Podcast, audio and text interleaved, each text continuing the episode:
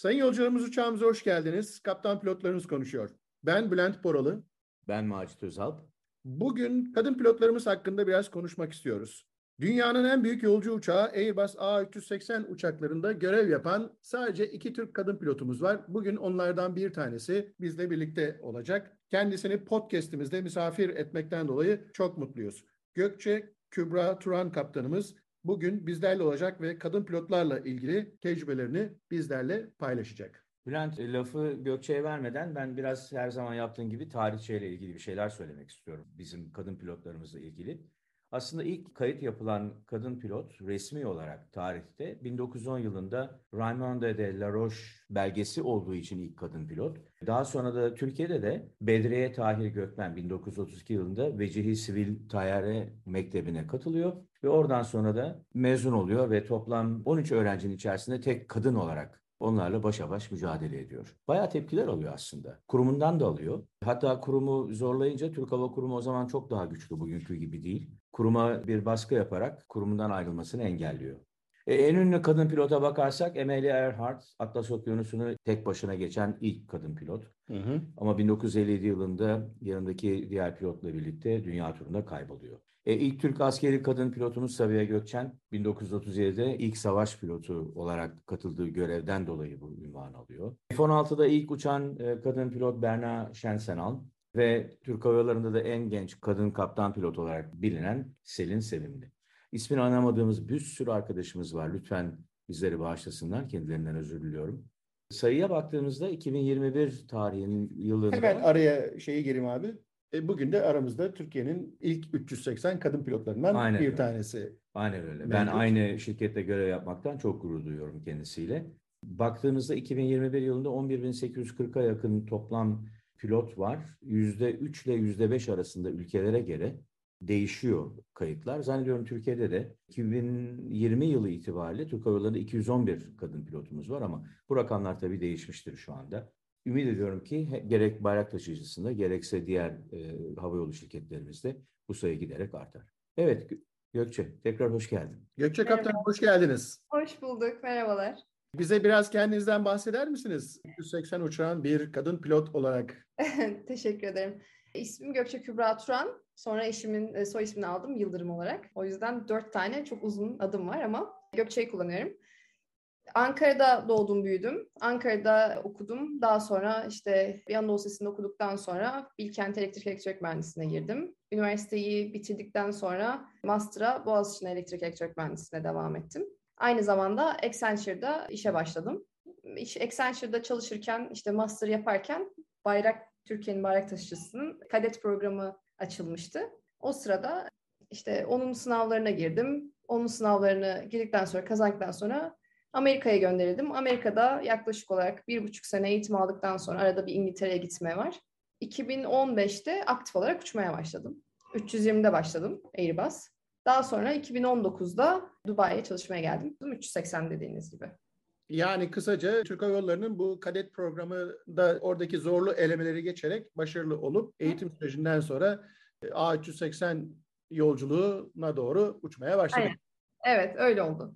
Güzel bir süreçti. Yani hani bir karar vermede de birazcık nasıl diyeyim bir zorlu bir süreçti. Çünkü mühendis o zamanlar da kadet programında sadece işte mühendisler kabul ediliyordu zamanında. Onun bir etkisi vardı. Arkadaşlarımın çoğu mühendisti girdiğim arkadaşlarım da. Biraz böyle kariyeri bıraksam mı, mühendisliği bıraksak mı acaba durumları vardı. Sonra gerçekten istediğim işi yapmış oldu. Yani seçtiğimi düşünüyorum. Tabii ki bunun daha öncesindeki etkiler var. Mesela Türk Hava Teknik'te staj yaptım. Bir yaklaşık iki ay. Onun ben etkisi olduğunu düşünüyorum. Çünkü çok fazla uçaklarla içli dışlı oldum o, o sürede. Güzel bir açıkçası dediğim gibi bir süreç oldu buraya gelene kadar. Ailenden herhangi bir havacı var mı Gökçe? Yok hayır. Ya şöyle ailemden havacı ya hava kuvvetlerinden bu ama yerde görevli. Uçmuyordu. Hani şeyde ikmalciydi ama onun etkisi oldu mu? Yani etkisi olmuştur tabii ki arka planda ama mavi üniforma ve jet sesleri mutlaka duyuluyor. Ya tabii ki. Yani şöyle mesela Ankara'da da yaşarken de lojmandaydık. Yine havalimanının yanındaydık Etimeskut'ta. Sonrasında Bursa'ya görev yaptığında yine Bursa'da havalimanının yanındaydık. Yani askeri havalimanının yanında. Onların elbet etkisi vardır diye düşünüyorum. Olur ya böyle çocukluktan kalan durumlar.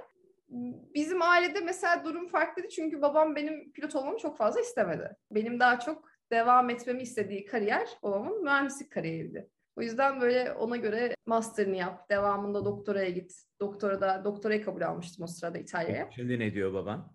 Yani şu anda da bazen arada diyor ki acaba mühendislik daha mı iyi olurdu diye bir şey yapıyor, e, girdi yapıyor ama ben mutluyum yani hani gerçekten mutlu olduğum işi yapıyorum şu anda. Farklı olur muydu? Farklı olabilirdi ama en azından çalıştığım için mühendislikte de ikisinin arasındaki farkı az çok anlayabiliyorum. Hani ya en azından şey yapabiliyorum ya ben bir karar verdim diyebiliyorum. Hani bazı arkadaşlarımız mesela direkt üniversiteden mezun olduktan sonra kadet programına giriyor. Direkt uçmaya başlıyor. O yüzden çalışmakla direkt uçmanın arasındaki yani uçuşun pilotluğun arasındaki belki seçeneği yapmamış olabiliyorlar en azından direkt başladıkları için. Benim açımdan ben mühendisliğin de nasıl çalışıldığını, ne yaptığımı net bir şekilde görerek tercih ettiğimi düşünüyorum. O yüzden tercih açısından mutluyum. Peki Gökçe bunu hem merakımdan soruyorum gerçekten hem de senin gibi kadın pilot adaylarına belki bir nasıl söyleyeyim hedef belirtmek anlamında olabilir. Hı hı. Gökçe Kaptan bir uçuşa gitmeden önce bir kadın pilot olarak ne yapıyor? Ne, nasıl hazırlanıyor? Var mı bir neler yapıyorsun profesyonel olarak? Buraya geldikten sonra tabii ki durum daha değişti. Şimdi mesela ilk başta Türkiye'deyken ya ilk Türkiye'dekiyle buradakini anlatayım şu anki durumu. Bilindiği gibi uçuştan yaklaşık ben evimden 2 saat 15 dakika önce alıyorum. 2 saat 15 dakika öncesinden bir, bir, bir buçuk saat önce hazırlanmaya başlıyorum. Eskiden bu hazırlanmam yaklaşık yarım saat 45 dakikaydı ama şu an durum işte şu anda bir bebeğim var. Bebeğimden dolayı değişti. Onun onun Birlikte. hazırlıkları teşekkür ederim. Onun hazırlıkları, onun e, yemesi, e, beslenmesi falan derken biraz daha süreç uzuyor ama kendim olarak o yüzden hazırlanma sürecim işte e, genel olarak biz 380'de yatıya gidiyoruz. Valizimi hazırlamakla başlıyor. O durumun mesela geçen hafta Frankfurt'taydım. Frankfurt daha soğuk olduğu için tabii ona göre bir hazırlık oluyor. Normal bütün her şeyim bitiyor. Üniformamı giydikten sonra kahvemi hazırlayıp işte flight plan'e bakıyoruz. Bakıyorum daha doğrusu. Uçuşta neler var, kaç saat sürecek, notamlarda ne var, yol durumu nasıl, işte yol boyunca olan havalimanlarına vesaire. Yaklaşık buna bir 20-25 dakika ayırıyorum. Sonra hatta yolda da gerekirse çünkü arabayı biz kullanmadığımız için arkada oturduğumuz için ona da bakmaya devam ediyorum ama genel olarak şey sürecim bir, bir buçuk saat sürüyor. Yani profesyonel bir pilot kadın ya da erkek fark etmeden yapılması gereken şeyleri aynı şekilde yapıyorsunuz. Aynen. Ekstra zannediyorum anne olduğun için çocuğunun evet. organizasyonu kısmı kalıyor. Peki nasıl evet. bu senin hani pilotlarda biliyorsun distraction dediğimiz ya da zihnin başka şeylerle meşgul olması karar süreçlerimizi olumsuz etkileyen bir unsur olabiliyor. Sen Hı. bu dengeyi nasıl kuruyorsun? Hem annesin hem ev var, hem çocuk var, hem pilotluk var. Bütün eşin var. Bütün bu organizasyonu. Bu arada eşi de Mesut. O da e, gene aynı tipte uçuyor. İkisinin programları çakışıyor mu çok e, Gökçe? Nasıl oluyor? Yani şu durumda aslında son bir yıldır 380'in programı çok rahat olduğu için biz pro, ya çocuğa göre ayarladığımız için programları özellikle çakıştırmamaya çalışıyoruz. O yüzden birimizden biri evde olsun diye. Buna rağmen beraber ayda 15-16 günümüz net var. Hani beraber geçirdiğimiz. Bu yüzden güzel. O hazırlık durumunda da şöyle oluyor. Genel olarak ben hazırlığımı bir gün öncesinden yapmaya başlıyorum. Nasıl? Mesela ben yemek yapmayı seven bir insanım. Hani çocuğa da olsun, eşime de olsun. Bunları önceden hazırladığım için. Distraction oluyor mu? Yani distraction bence olmuyor. Her baba eminim babalar da mesela özlem çekiyordur uçarken. Yani hani çocuğunu özlemesi gibi. O özlem oluyor daha çok uçarken ama uçtukça biraz daha böyle duruma alışıyorsun. Durumu kabulleniyorsun. Hani bir artık bu senin sonuçta bir rutinin oluyor. Hani uçuşa gidiyorsun.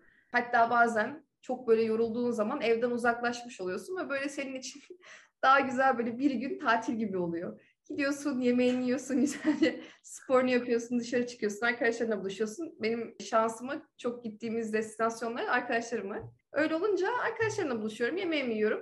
Sanki tatil yapmış gibi bir uçuşta geri dönüyorum. Öyle olunca böyle tamamen Dubai'ye fresh bir şekilde dönmüş oluyorum. Yani ben, benim açım... ben, ben Fırsata dönüştürüyorum Buradan e, tabii geldiğimiz noktadan biraz daha geriye gideyim. Hani dedin ya annen destekledi mi? Annem daha çok hani sen ne istiyorsan o olsun şeklindeydi. Bu şey değildi ama Arkadaşlarından beraber okuduğun, çevrendeki, oturduğun semtteki arkadaşların, çevrendeki insanlar ya ben pilot olacağım dediğinde sana nasıl baktılar? Biraz bunları bize anlat istersen. tabii. Ya Onları şöyle ikiye ayrıldı diyeyim. Şu anlamda çok fazla ya biliyorsunuz bayan pilot çok fazla olmadığı için mesela o zaman da Türk Hava Kadet Programı'ndan mezun olduğumda 30 kişiydik biz. 30-35 arasındaydık. Yani yüzde birlik kısımdan daha azdık. Şimdi insanlara farklı geliyor. Genel olarak tepki şu. Aa, ilk defa ilk ilk bayan pilotsun benim tanıştığım şeklinde oluyor. Bir kısım arkadaşlarım inanılmaz güzel, çok güzel şeklindeydi. Benim bölümden arkadaşlarım biraz daha hırslı olduğu için diyeyim. Yani hırslı ve böyle mühendislik. Şimdi mesela atıyorum San Francisco uçtuğum zaman onlarla görüşüyorum. Genel olarak işte Apple'da, Google'da böyle tamamen Silikon silikonda arkadaşlarım. Aynen. Onlarla beraber buluştuğumda açıkçası biraz benim sinirimi bozuyorlar. Çünkü e ne yapacaksın? Şimdi kaptan mı olacaksın? Sonra kaptan olunca ne olacak? Bu kadar mı? Hani şimdi onlar sürekli bir yükselme içinde oldukları için veya bir nasıl diyeyim competition içinde oldukları için kendi aralarında onlar onlara göre ben hani nasıl diyeyim kolay bir iş yani kolay bir yeri seçmiş oldum. Yani böyle tamamen mühendisliği bıraktım işte daha rahat olayı seçtim ve yapacağım bundan sonraki iş kaptanlık diye düşünüyorlar ama bir onlarda farklı negatif tepki vardı. Babam gibi. Babamla aynı düşüncelerde hani sen kariyerini bırakıp niye gidiyorsun diye. Ama bir kısım arkadaşım var çok iyi yaptın. Hani en azından bu şekilde geziyorsun. Bu- Bunu çok fazla duyuyorum mesela. Sürekli geziyorsun. Güzel bir şekilde gitmek istediğimiz yerlere gidiyorsun. Rahatsın ne bileyim maaş olarak. Ya Dubai'deki maaş olarak bir mühendise aşağı yukarı aynı alıyorum. Hani belki mühendisler burada daha fazla bile alıyor olabilir ama hani iyi maaş alıyorsun en azından kendi koşullarına göre, e, kendi yaşlarımıza göre. Bu mühendisler, e, o, o bölümdeki olan mühendisler evlerinden çıkıp tekrar evlerine dönüyorlar değil mi? Senin Aynen öyle. yaşadığın Evet. Bu havacılık bizim diğer podcastlerimizde de anlattığımız gibi havacılığın bize vermiş olduğu o diğer duyguları yaşayabilmeleri ancak para ödeyerek yolcu şeklinde ba- bulundukları koltuktan görebilirlerse o da pencereden dışarıya bakarak olabiliyor. Dolayısıyla bütün bunlara baktığımızda sistem kendi içerisinde bu işi sevenler, sevmeyenler, benim konuda da öneride bulunanlar, bulunmayanlar ve daha çok dallananlar gidebiliyor. Ya hocam bir de şöyle bir durum var. Hani herkesin kendi tercih ettiği durum olur ya mesela o masa başındaki işi bazı insanlar herkes masa başında işi sevmek zorunda değil. Ben mesela masa başında da dediğim gibi çalıştım Accenture'da ama ben o işi sevmedim. Yani sabah saat her gün sabah 7'de uyanmayı, her gün saat 8'de işe gitmeyi, akşam saat 6'da bitirmeyi ben kendi karakterime mesela uygun görmedim. Yani en azından onu da denedim ama onlar bundan mutlu oluyor olabilir mesela. Ben hafta sonu kahvaltıya gitmektense hafta içi kahvaltıya gitmeyi daha çok seviyorum gibi mesela. Yani Değil mi? Herkesin o herkesin boş zamanları ya da dolu zamanları bizim boş zamanımız oluyor. O zamanlar o yerler daha kıymetli hale geliyor. aynen Daha aynen yani oluyor. ben veya mesela bayram tatillerinde tatile gitmektense kalabalıkta normal kendi zamanımda gitmeyi tercih ediyorum gibi. Hani biraz daha böyle aslında ben bunu çok pozitif olarak görüyorum diğer türlü hani onların şeyini. Aslında bir seçim yapıyoruz. Bu Evet. seçimde aklileştiriyoruz. Hani bayramda onların tatil yaptığı zaman bizim çalışma zamanımız. Aynen. Onların çalışma zamanı bizim tatil yapma zamanımız. Seçeneğimiz Evet. var mı? Seçeneğimiz yok. O halde ya mutlu olmayı seçeceğiz ya şikayet etmeyi seçeceğiz. Aynen. Mutlu olmayı seçelim diyoruz. Ne güzel. Yani öyle. Ee, Birçok konuda öyle yani. Hani onları başka işlerde çalışanlarda da e, isterse onlar da şikayet eder. Der ki her gün sabah saat 7'de aynı saatte kalkıyorum. Böyle yapmak istemiyorum gibi. Yani şikayet etmek istediğin zaman bulabilirsin her zaman. Evet. Abi müsaade edersen bir soruyla Tabii daha ki. devam edeyim ben Gökçe Kaptan'ımı hazır böyle yakalamışken. Gökçe Kaptan ne bekliyordun bu mesleğe girerken? Ne buldun? Ne bekliyordum? Aslında şöyle, ben çocukluğumdan beri gezmeyi çok seviyorum. Hatta bana o yüzden sokak çocuğu diyorlardı. Sürekli sokaktaydım. Yani sokaktayım, oraya gidiyorum, buraya gidiyorum. İlk işte ilk üniversite şey yurt dışında yani yurt dışına arkadaşlarımla çıktım. İlk lisedeydim. Lisede İtalya'nın neredeyse yarısını arkadaşlarla beraber gezdik mesela. Ben hep böyle bir gezeyim, bir yerlere gideyim, farklı bir yerlerde olayım istiyordum. O yüzden asıl benim böyle beni çeken, benim hoşuma giden şey bu meslekte gezebilmek. Tabii çok fazla uçmadığım böyle arka arka uçtuğun zaman biraz daha zamanı kısıtlı oluyor ama şu ana kadar hiçbir sıkıntı çekmedim bu konuda. Yani istediğim yerde istediğim çok fazla ülke gezdim. Mesela şu anda bir de yani 7-8 senedir uçuyorum. Baktığımda gezme açısından 40-45 ülke gezmişimdir. Totalde 55 ülke gezdim ama yani gidebildikçe, gezebildikçe bu beni mutlu ediyor. Benim beklediğim açıkçası buydu ve böyle hani beni mutlu edebilecek bir meslekti. Ben dediğim gibi bulma açısından da bunları bulduğumu düşünüyorum. Tabii ki zorlukları var. Yok değil. Hani her işin olduğu gibi. Ama benim gördüğüm ya şu ana kadar yaşadığım kadarıyla bu iş benim beklentilerim çoğunu karşıladı. En azından öyle söyleyebilirim yani çoğu beklentimi. Pilotluğu zannediyorum en güzel tarafı burada. Yaptığımız iş bize mutlaka tatmin sağlıyor. Her iniş kalkış bir tatmin. Evet, ve aynen. biz her iniş kalkışta yaşıyoruz. Her iniş kalkışımız bir tatmin unsuru ve bir başarı hissi yaşatıyor bize. Evet, Ee, aynen. Bu da her seferinde uçuşa bir motivasyonla işte Macit abinin dediği gibi bir düğüne gider gibi böyle önemli bir e, organizasyona gider gibi bir kutlamaya gider gibi yapıyoruz. Tabii. Ya şimdi bayan olduğum için özellikle bir de atıyorum iniş yaptıktan sonra pasaportta orada burada birisi gördüğü zaman aa siz mi indiniz çok güzeldi teşekkürler bile in- insanı mutlu ediyor böyle hani ha ne güzel teşekkür ederim falan diye böyle. Tam bu noktada abi tam lafa girecek ama ben bir şey sormak istiyorum Gökçe. Bunu gerçekten bütün samimiyetimle soruyorum. Ee, Benim mesela pilot olarak hayalimdeki uçak Boeing 747-400. Ee, Çok güzeldir. Bu paçalı Mardin güvercinleri vardır. Onlar gibi gelir bana. Fazla şeyim yoktur. Hani böyle uçak tutkum yoktur. Uçurduğum uçak en iyi uçaktır prensibiyle işimi yapıyorum. Mesela bir böyle bir Türk kadın pilotu olarak bir A380 dünyanın en büyük, en devasa uçağı Super diye geçiyor. Geçtiği yerde fark edilmemesi mümkün değil. O uçağı böyle uçuş çantanla, üniformanla, böyle ekibinle birlikte giderken ne hissediyorsun? Mesela o uçak gittikçe büyüyor ya böyle uzaktan gidiyorsun böyle baka baka. Ne hissediyorsun o koca devasa neredeyse bir kasaba değil mi? Balık istifi koysan Aynen. 950 küsür insanı taşıyabildiğin bir uçak. Yani o devasa kuşu uçurmak bir kadın pilot olarak oraya yürüdüğünü, yürüdüğünü hissettiğini bize anlatır mısın? Tabii ki. Yani her seferinde bu aynı şekilde bu da beni me- mesela bir mutlu ediyor. Her seferinde bu uçağı ben uçuruyorum. Bir mu- mutluluğu yaşıyorum açıkçası. Çünkü hakikaten dediğiniz gibi inanılmaz devasa ve böyle hani insanlar bile böyle bu kadar şok edici şekilde bakarken ego tatmini tabii ki yaşıyorum. Yani ben, bu uçağı ben uçuruyorum ama uçaktaki en büyük ego tatminim benim açımdan bilmiyorum neden taksi yaparken. İnanılmaz mutlu oluyorum. Taksi yaparken sanki böyle hani uçağı tamamen ben kontrol ettiğim için çok mutlu ediyor. Öz- böyle güzel taksi yaptığımızda tam kalkışında her seferinde böyle "Uh, çok güzel, çok güzeldi. Şu ana kadar inanılmaz güzel gidiyor her şey gibi oluyor. Böyle veya bugün işte uçacağın zaman aynı şekilde o uçağı gördüğün zaman yani bir de havalimanı full o uçakla olunca o uçak dolu olduğu zaman gördüğünde dediğim gibi böyle her gün sanki yeni başlar gibi oluyor. Böyle bir şey olmuyorsun. Bir yerden sonra buna alışmıyorsun aslında. Her seferinde böyle yeniymiş gibi. Çok güzel bir noktaya temas ettin. Evet, zaten bu bizim hep diğer podcastlerde söylediğimiz şey. Her uçuş yeni bir uçuş. Dinamikleri farklı, dine, e, yolcusu farklı, pilotu farklı, hava durumu farklı. Zaten mesleği güzel kılan bu. Gecesi, gündüzü tabii ki zorlukları var. Şimdi gel biraz zorluklarına dönelim. Evet. Hani bu kadar güzel şeyler Hadi söyledik. bakalım. Tabii Ee, ki. Bir kadın pilot olmanın daha başlangıçta kadet programındayken ya da mezun olduktan sonra meslektaşlarından ya da oradakilerden herhangi bir şekilde olumsuz bir davranış gördün mü? Daha sonra uçarken kokpit içi tabii ki söylediğimiz ekip işbirliği konusu CRM adını verdiğimiz bu düzende. Ya sana böyle bir kararı söylemeye çalıştığında ya da biz buna havacılıkta doğru şeyin yapılmasında ısrar diyoruz assertiveness'e. Burada bir kaptanın olması gerekenden farklı kararlar vermeye başladığını gördüğün anda, ona karşı fikirlerini ifade ettiğinde sana karşı bir negatiflik hissettiğin zamanlar var mı? Önce bununla başlayalım. Daha bir iki tane daha sorum olacak. Şimdi şöyle en baştan başlayayım kadet programından. Kadet programında girdiğimde 2014 sınavlarına girdim. 2013 sınavlarına girdim özür dilerim.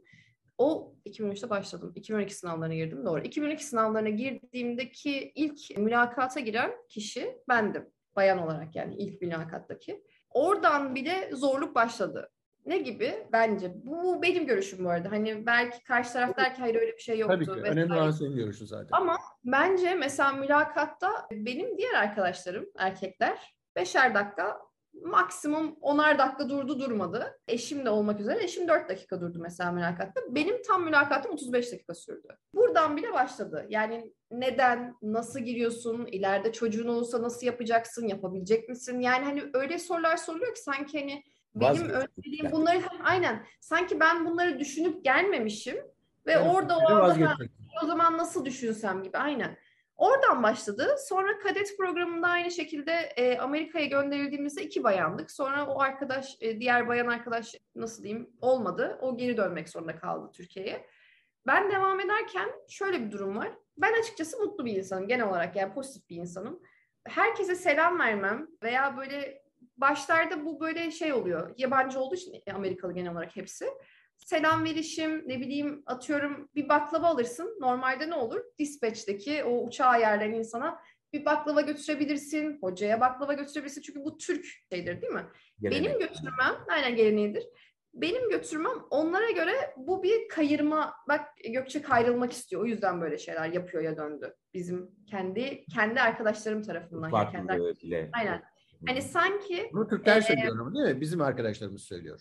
Tabii tabii aynen benim kadet olduğum arkadaşlar işte. Hı. Ya bir yerde bir noktada daha da çirkinleşildi yani o oluyor mu oluyor. Ne bileyim işte atıyorum orada bir kötü bir şey yaratılmıştı. İşte kim birinci bitirilecek? İşte ayarı PPL'i kim birinci alacak? Ayarı kim birinci alacak gibi böyle bir ortam yaratıldı. Ayar PPL derken bunlar e, tabii bizim hedef kitlemiz pilotlar değil daha çok havacılığa meraklı.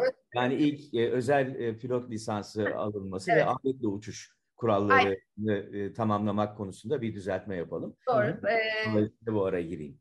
İlk işte ilk pilot bu, bu ilk lisansları aldığımızda mesela ben ilk bitirdim.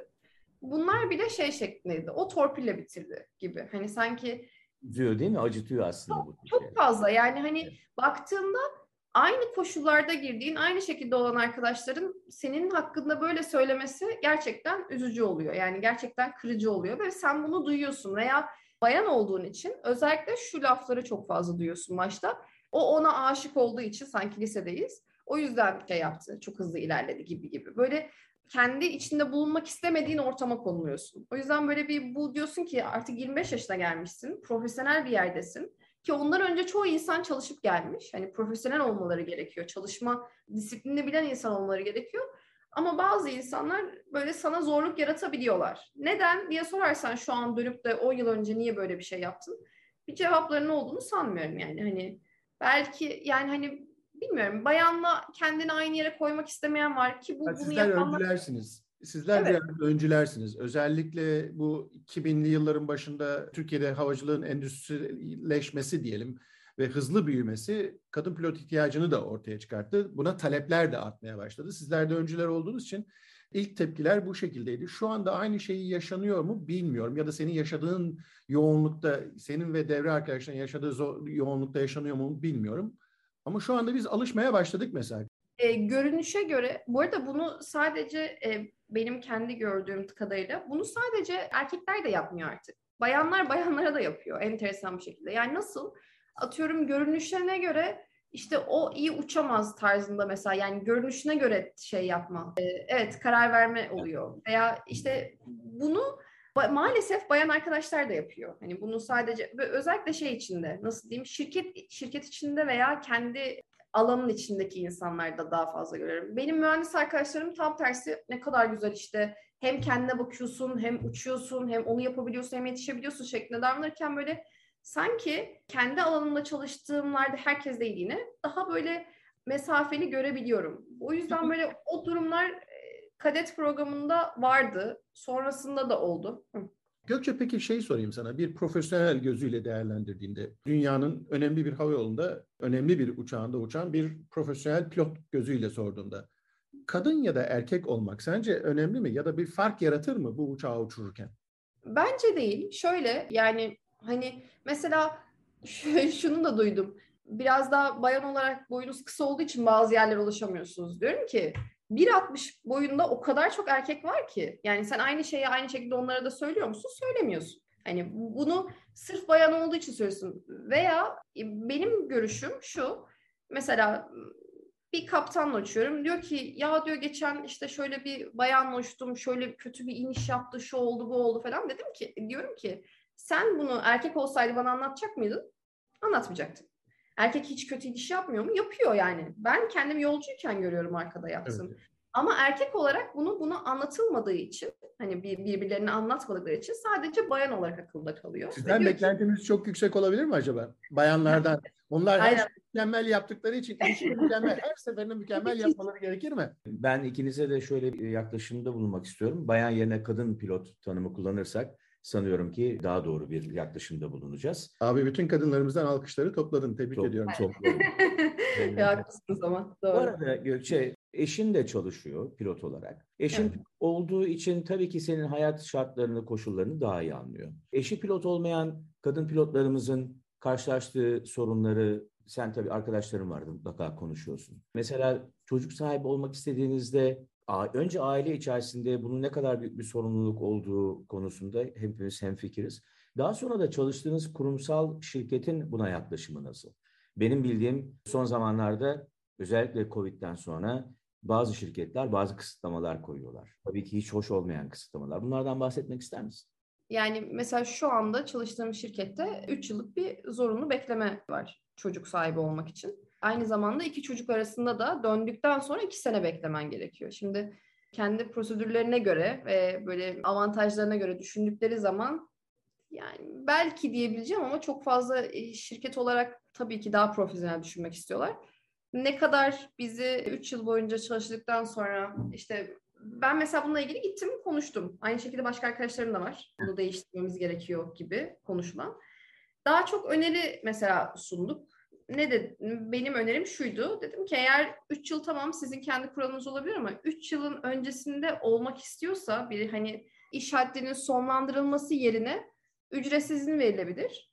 Kendini hiçbir şekilde karşılamayacağız. Medical'ını da karşılamayacağız ama bu senin se- tercihin olacak gibi belki dedim sunulabilir. Hani en azından bu bir daha kolaylaştırılma olur. Ne kadar kolaylaştırma o tabii ki herkese göre değişir ama dediğiniz gibi ilk önce şimdi eşim beni anlıyor aynı çalıştığımız için. Aynı şirkette olmamızdan dolayı, aynı alanda olmamız. yok zannediyorum. Efendim? Seni anlamamak gibi başka bir seçeneği yok zannediyorum. Yok, eşin. aynen. Yok. Ama başka aslında başka yerlerde çalışan mesela mühendis olan veya ne bileyim işte arkadaşlarım var işte İK'da çalışan mesela erkek eşleri olanlar belki daha koşullar daha iyi olabilir. Ne gibi? Şu an dediğim gibi biz uçuşları ayarlayabiliyoruz. Çok rahatız. Çocukla çocukla bir şekilde oluyor ama anne uçarken babanın evde olup yardım etmesi eğer baba gerçekten de yardımcıysa kesinlikle çok iyi olur. En azından onda birazcık daha yük olur ki Türklerde ben bunu çok fazla görmedim ama yabancılarda bunu daha fazla gördüm. Mesela Yardım konusunu mu daha çok? evet yardım konusunda. Mesela Almanla evli bir arkadaşım var. Kendisi e, eşi izin aldı. Normal al, bir, bir yıl boyunca çocuğa bakmak için.